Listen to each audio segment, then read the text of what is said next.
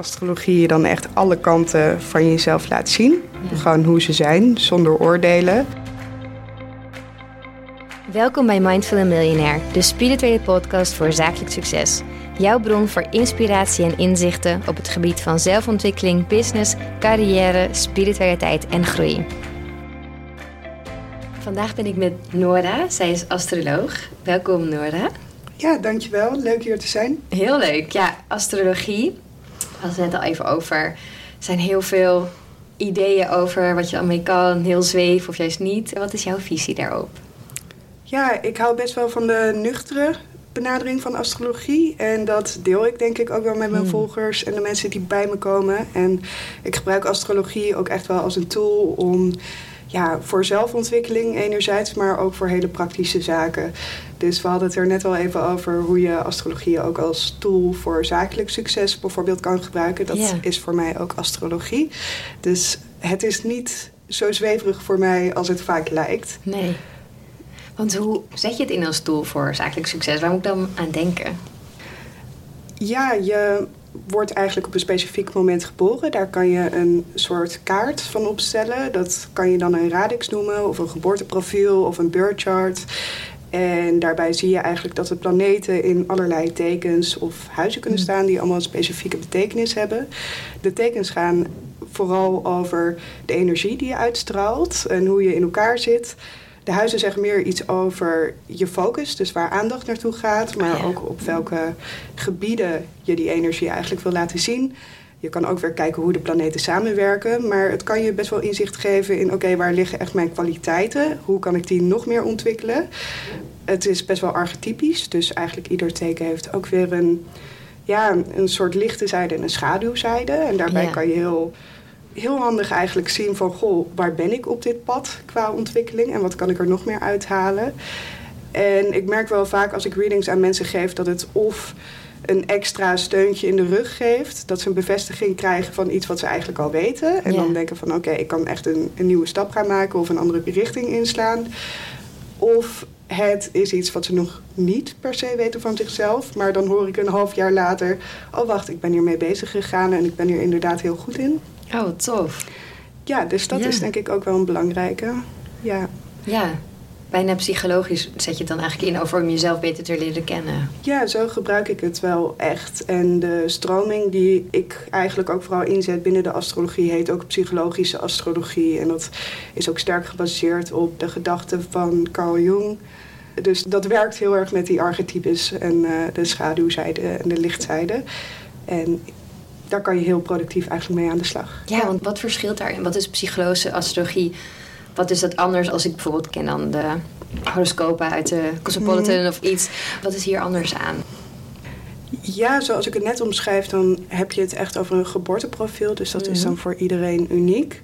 En als je kijkt naar horoscopen, die zijn altijd gebaseerd op voorspellingen. Ja. En heel generiek ook. Dus per teken van de dierenriem. Dus je hebt eigenlijk maar twaalf opties dan. Terwijl als je kijkt naar je unieke astrologisch profiel, dan is dat altijd een, ja, een oneindige bundel aan combinaties, laat ik Ja. maar zeggen. Dus dat is al veel unieker. En dat gepersonaliseerde is dan heel handig. Ik doe ook wel eens voorspellingen met mensen, maar die zijn dan ook echt voor jou uniek. En misschien voor de mensen die in dezelfde minuut, op dezelfde dag, in hetzelfde jaar zijn geboren. Dus dat gepersonaliseerde. En op het gebied van psychologische astrologie, astrologie staat best wel bekend als een beetje een dwingend iets. Van jij bent zo, of Ja. jij moet dit, of ik ben een leeuw, dus ik moet nu eenmaal zo. ik een excuus ga je soms als gebruiken. Ik ben schorpioen, dus ik ben gewoon zo opvliegend en Ja. jaloers, zeg ik dan soms. Ja, inderdaad. Dat hoor je dan heel vaak. En daar kan je ook wel grapjes over maken. Maar daar gaat het in essentie niet om. En het gaat ook niet over dingen die je hoe dan ook overkomen. Ik krijg soms ook wel eens iemand die dan bij me komt en zegt... ik ben naar een astroloog geweest. En die astroloog die zei... mijn relatie gaat uit en je gaat de komende tien jaar niemand vinden. Nou, dan weet je al dat het dan niet weet je goed al dat het kan ook een self-fulfilling prophecy worden op die manier. Ja, inderdaad. precies. Het Ik vind gevaarlijk, wel... eh, teksten uitkramen. Inderdaad, dat vind ik altijd wel vervelend om te horen. Ja. Maar bij die psychologische astrologie kijk je dus echt meer naar de potentie en je vrije wil, wat je er zelf nog van kan maken. Terwijl je bij horoscopen of dat populaire beeld van astrologie, dat gaat Mm. heel erg over wie je al zou zijn en daar doe je het maar mee en Ja. succes. ja, Dus dat is heel anders, ja. wel tof. Inderdaad, heel, ja, heel anders, heel mooi. Maar hoe komt het dat dit werkt? Waar komt al die wijsheid, waar komt het vandaan?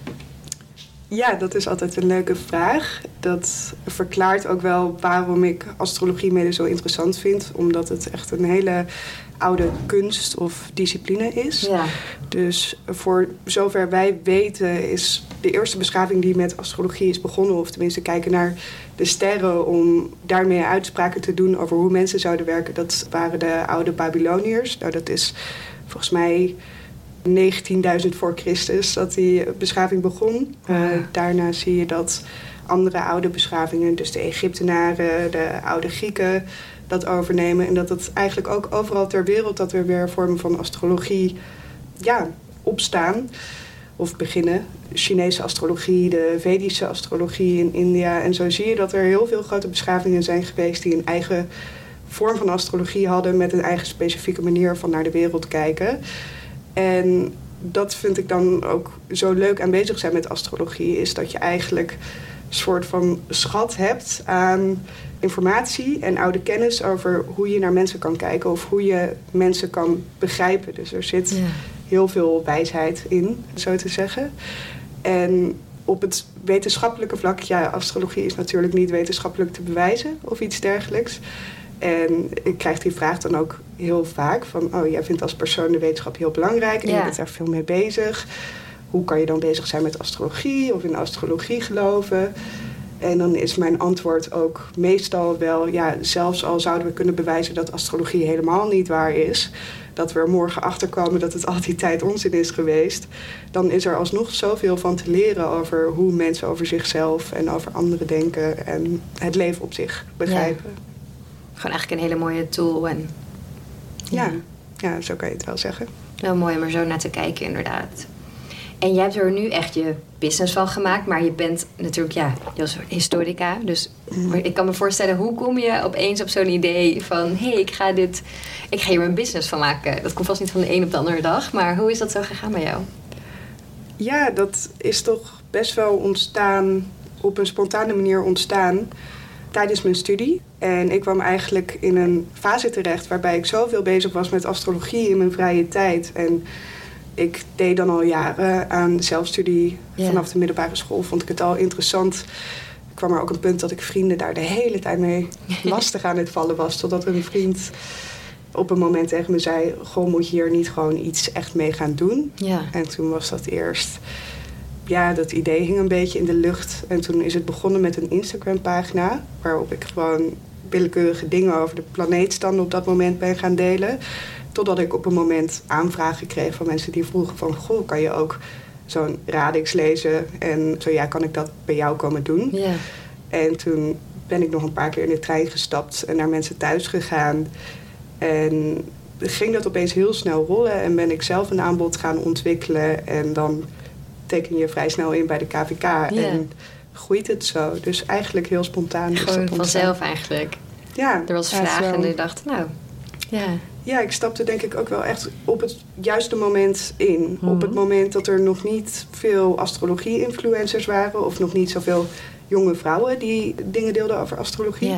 Maar de vraag wel echt heel groot begon te worden. Dus ik denk dat het daarom een beetje vanzelf ging. Nu is het weer heel anders. Leuk. Ja. Wel tof dat zoiets wat je gewoon uit interesse doet, daar je business uit ontstaat. Wat is het mooiste dat je hebt geleerd van het ondernemen? Het mooiste wat ik heb geleerd van het ondernemen tot dusver is dat denk ik wel voor mij persoonlijk. Misschien dat dat niet de grootste businessles is, maar voor mij persoonlijk dat mensen eigenlijk naar jou toe komen. In het geval van astrologie in ieder geval.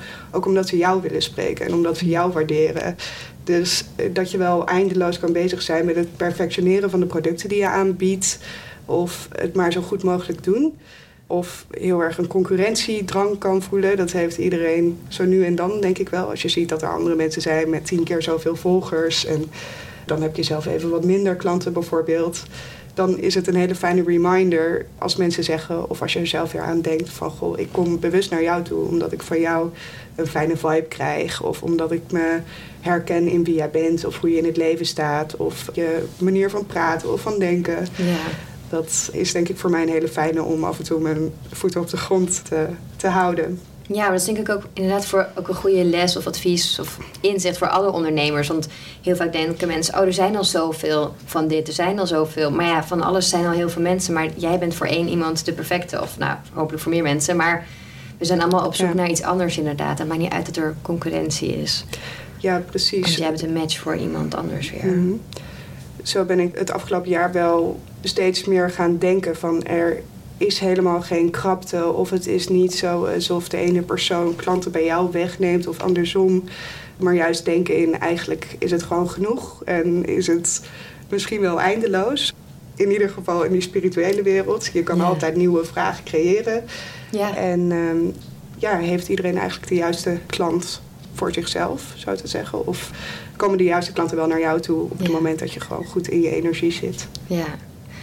Sowieso is volgens mij altijd vrij lastig met... Ik kan me voorstellen bij astrologen, maar met spirituele mensen die spirituele businesses aan gaan bieden, dan krijg je al vrij snel van: oké, hoeveel geld ga ik hiervoor vragen? Ik wil mensen helpen, maar ik merk dat dat altijd iets lastig is. Hoe is die money mindset? Hoe zit die bij jou? Ja, leuke vraag. Ik denk wel steeds beter. Onder astrologen heb ik het idee dat money mindset echt een lastig ding is. En bij nog wel wat meer traditionele spirituele beroepen. Ik denk dat als je bijvoorbeeld een spirituele business coach bent, dat je daar misschien iets makkelijker mee omgaat dan dat je echt wat traditionelers doet. Waarbij je het idee hebt van, oh, ik heb een soort oud vak geleerd. Tarot of zo, ja. Ja, tarot of astrologie. En dat moet ik weer overdragen. Ik merk nu bij mezelf dat dat steeds makkelijker gaat. En ik ben ook best wel snel in de twee jaar dat ik dit doe naar wat hogere prijzen gegaan. En nou is het niet alsof ik de hoofdprijs vraag, zou te zeggen, maar wel goede prijzen, denk ik zelf, waar ik ook fijn van kan leven. Terwijl ik dit maar een paar dagen per week doe, in principe nog.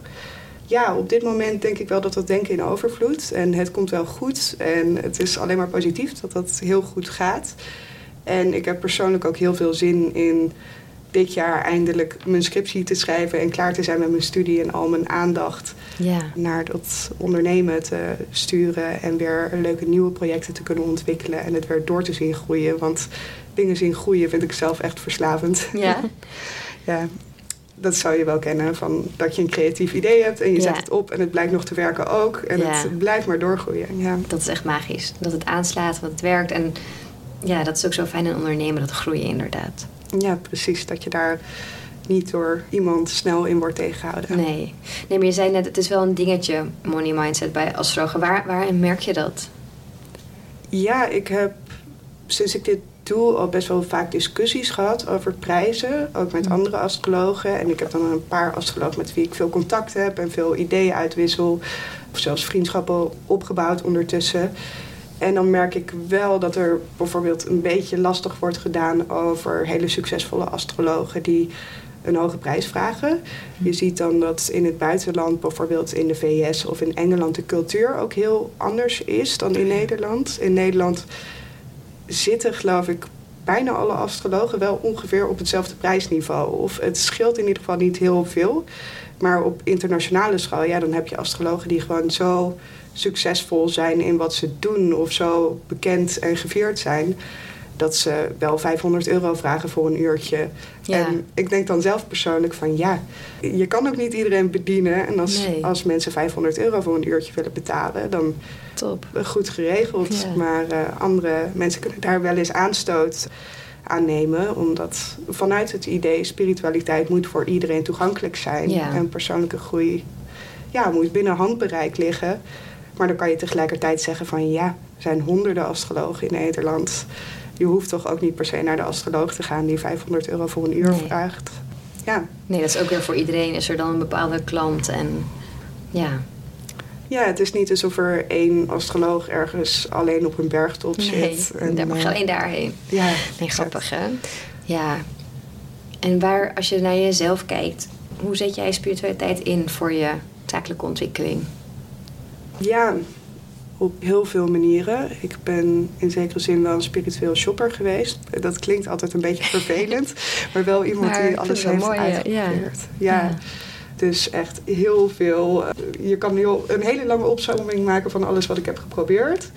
Nu merk ik nog dat ik veel met andere mensen werk. Dus dat ik drie keer per jaar wel naar een kaartlezer ga. Dat ik, Hm. als het nodig is, naar een energy healer ga. Of dat ik een coachgesprek aanga. Dus het zit veel in hulpvraag van anderen. Soms ook naar een medium gaan, naar een hypnotherapeut gaan. Het is echt Ja. best wel wat. Ehm, journalen helpt voor mij heel erg. Voor veel mensen natuurlijk. Manifesteren gebruik ik meer en meer. Dat is ook heel mooi te combineren met astrologie. ja. Hoe zie jij die koppeling? Hoe gaat dat? Ja, de klassieke associatie is dat je bij nieuwe maan eigenlijk Ja. intentie zet. En bij volle maan laat je het los. En dat is gewoon een hele fijne manier om daarmee te werken. En ik hou dan zelf ook mijn persoonlijke voorspellingen bij, astrologisch. Dus wat voor aspect maakt Uranus nu met mijn zon bijvoorbeeld? En wat wil dat zeggen? Wat is de potentie ervan? Ja. Daar dan op reflecteren, kijken wat eruit komt stromen. Hou heel erg van brainstormen met mezelf of gewoon een klokje zetten, kijken wat er allemaal op papier komt. Top. Overtuigingen uitschrijven, ook negatieve, en ze proberen om te buigen. Nou ja, dat zijn een aantal voorbeelden Ja. van eh, manieren waarop ik het wel gebruik. Ja, Leuk. Wat is het mooiste dat je hebt gemanifesteerd? oeh, daar heb ik eigenlijk nog nooit zo over nagedacht.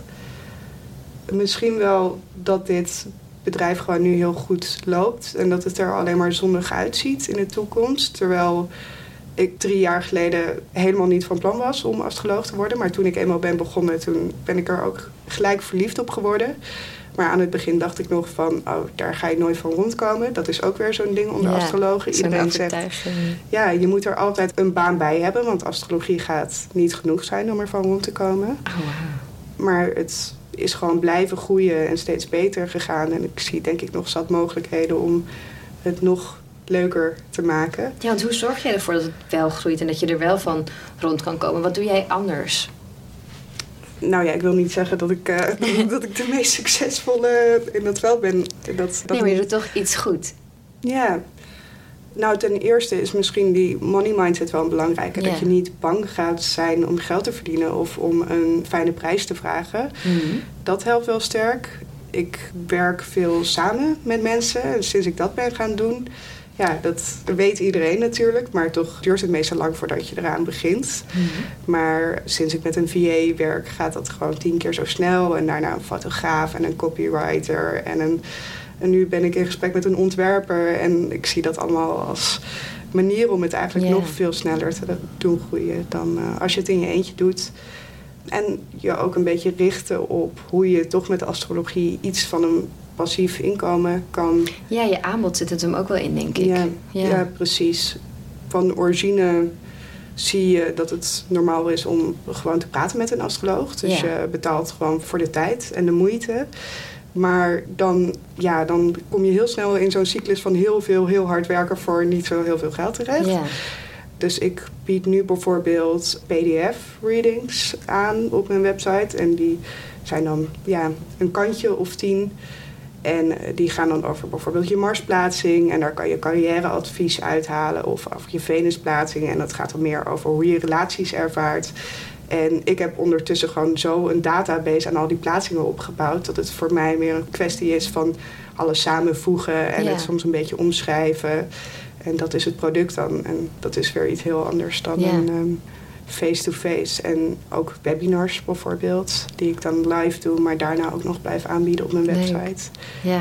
Met zo'n reading ook. Het is net zo waardevol, denk ik. Maar veel makkelijker voor jou. Dus dan, ja, je Ja, en het is ook vaak een eh, fijn instapje voor mensen Ja. dat ze eerst voor 30 euro zoiets kunnen bestellen. Ja. En dat rustig zelf kunnen nalezen en kunnen nadenken over of het bij hen past. En of ze eigenlijk in astrologie geloven Ja. en de volgende stap willen maken.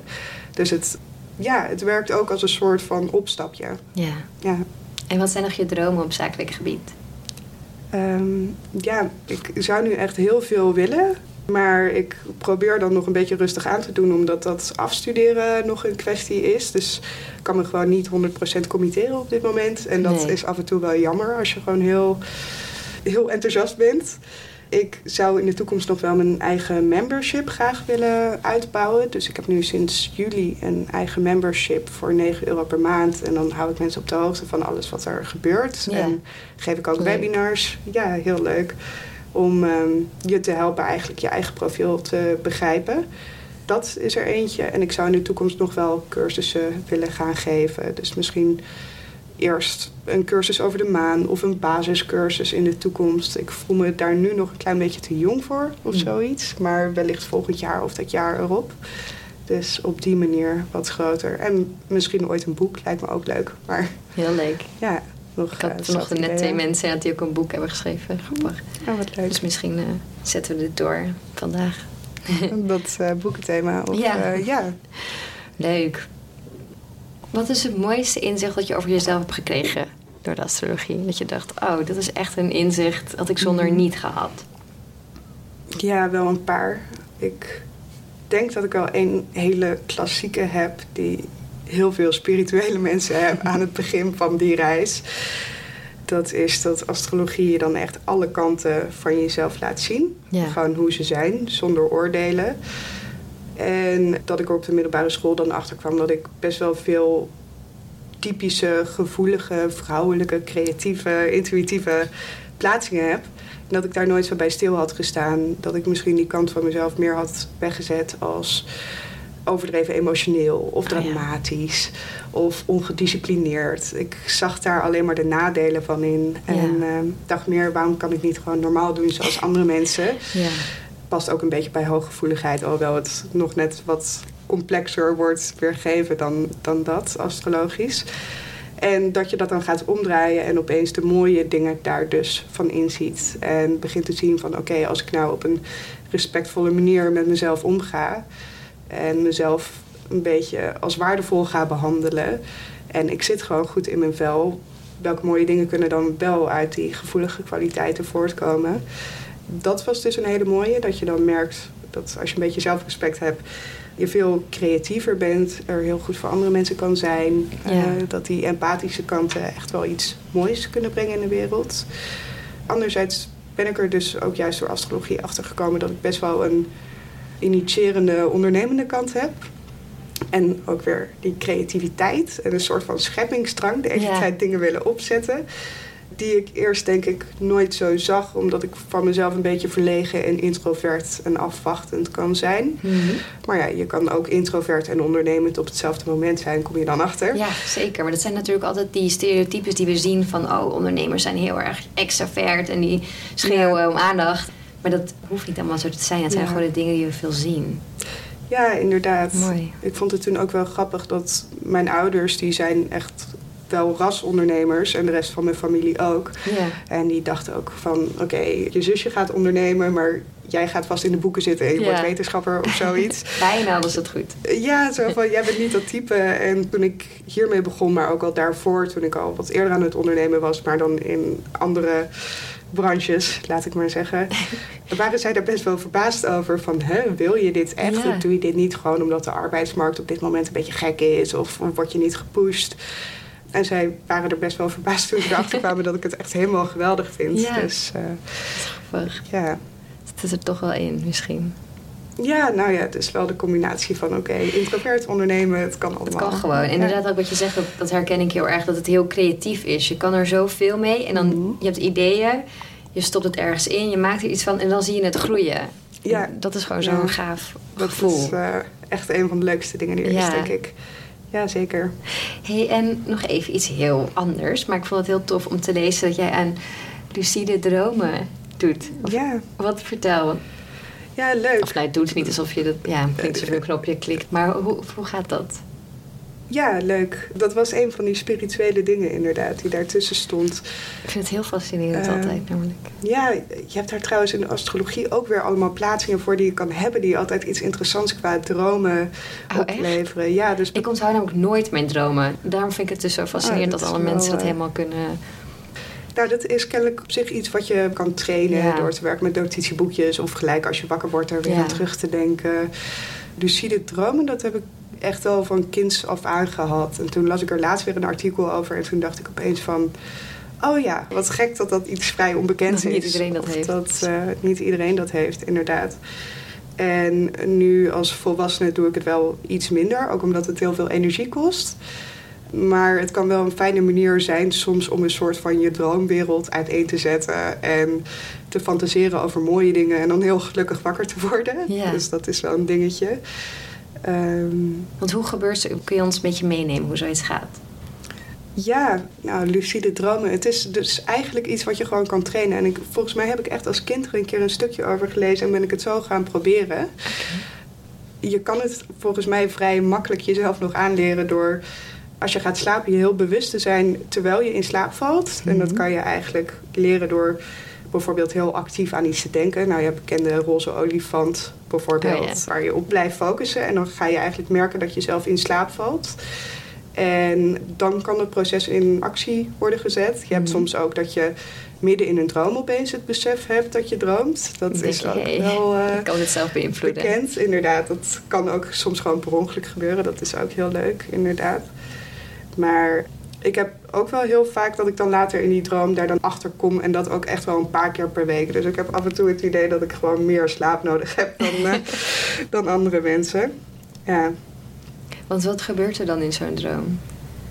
Of wat heb je eraan? Je zegt een droomwereld inderdaad, maar heb je een voorbeeld? Ehm poeh, ik moet zeggen dat ik hier niet echt zo lang over na had gedacht. Maar ehm, Ik ben gewoon heel nieuwsgierig. ja. Ja, een voorbeeld. Het is altijd een beetje gek om over dromen te, te praten, omdat ze gewoon zo raar zijn. Ik droom wel heel vaak over nou ja, hoe ik mijn toekomst voor me zie. Eh, en dan altijd in een hele extravagante versie, weet je wel, zoals je het in een film ziet. En toen vond ik het ook wel grappig om te zien dat kennelijk in de hele manifestatiewereld het ook heel populair is om bijvoorbeeld affirmaties op te zeggen voordat je in slaap valt.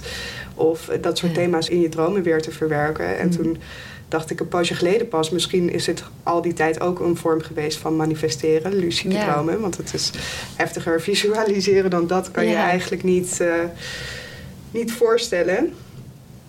Ja, concreet. Nou ja, goed, dat toekomst indenken. En soms heb ik ook gewoon hele gekke Harry Potter-achtige dromen hoor. Maar eh, ja, Leuk. Als laatste heb ik altijd nog een paar vragen die je in één woord of één zin mag beantwoorden. Gewoon Mhm. het eerste wat in je opkomt. ja. Beste boek dat je hebt gelezen. Oh, beste boek op spiritueel vlak. Mag alles zijn. Het mooiste roman is De ondraaglijke lichtheid van het bestaan van Milan Kundera. Vind ik echt helemaal fantastisch. Beste spirituele boek, dan toch denk ik Eckhart Tolle, Een Nieuwe Aarde. Ja, Heel eh, voor de hand liggend, maar het blijft gewoon goed. Ja. Meest inspirerende persoon. Meest inspirerende persoon. Misschien in spirituele zin vind ik Oprah Winfrey eh, heel Ja. gaaf. En hoe ze constant inspirerend is. Ook in En business zo'n- zin eigenlijk eh. Het zet op ja, beide heel erg. business-wise ook. Maar bijvoorbeeld dat ze de laatste tijd ook weer boeken heeft geschreven over haar jeugd en trauma en allerlei hele kwetsbare onderwerpen die denk ik nog sterk taboe zijn. Ja, En dat ze op die manier eigenlijk ook weer een nieuw geluid de wereld in wil brengen. mooi.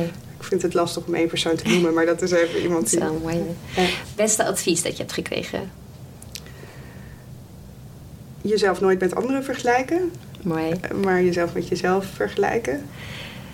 Is een bekende, maar werkt gewoon heel goed. Ah, mooi. Je favoriete quote? Favoriete quote. Lezen en dans, dat zijn de enige twee dingen die de wereld alleen maar beter kunnen maken. Dat is iets Heel wat ik ooit op mijn muur heb geschreven in mijn tienerkamer. Ja. Heel vet. En als laatste je grootste business fuck-up. Grootste business fuck-up. Ja. Nou, als astroloog is het wel heel erg als je twee uur met iemand in gesprek bent geweest over voorspellingen en je dan vervolgens een geboortedatum verkeerd ingevoerd blijkt te hebben en alles opnieuw moet.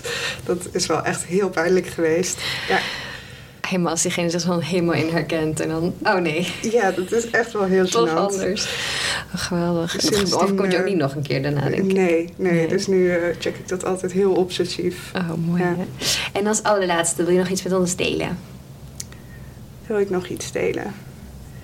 ja, mocht je het nou leuk vinden om je een keer te verdiepen in de astrologie, er zijn heel veel manieren eigenlijk om klein te beginnen. En ik heb bijvoorbeeld op mijn website best wel veel informatie staan met boekentips waar je mee kan beginnen. Of kleine manieren, blogs, gratis, freebies, dat soort dingen. Ik heb ook dus een membership, wat iedere maand opzegbaar is voor 9 euro per maand. Over astrologie, waarbij je dan meer kan leren over transits, hoe je het zelf afleest. En volgens mij is dat gewoon hartstikke leuk en leerzaam. Ik ben er in ieder geval heel graag mee bezig.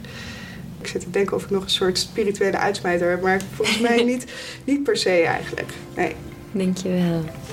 Nou, jij bedankt. Ja.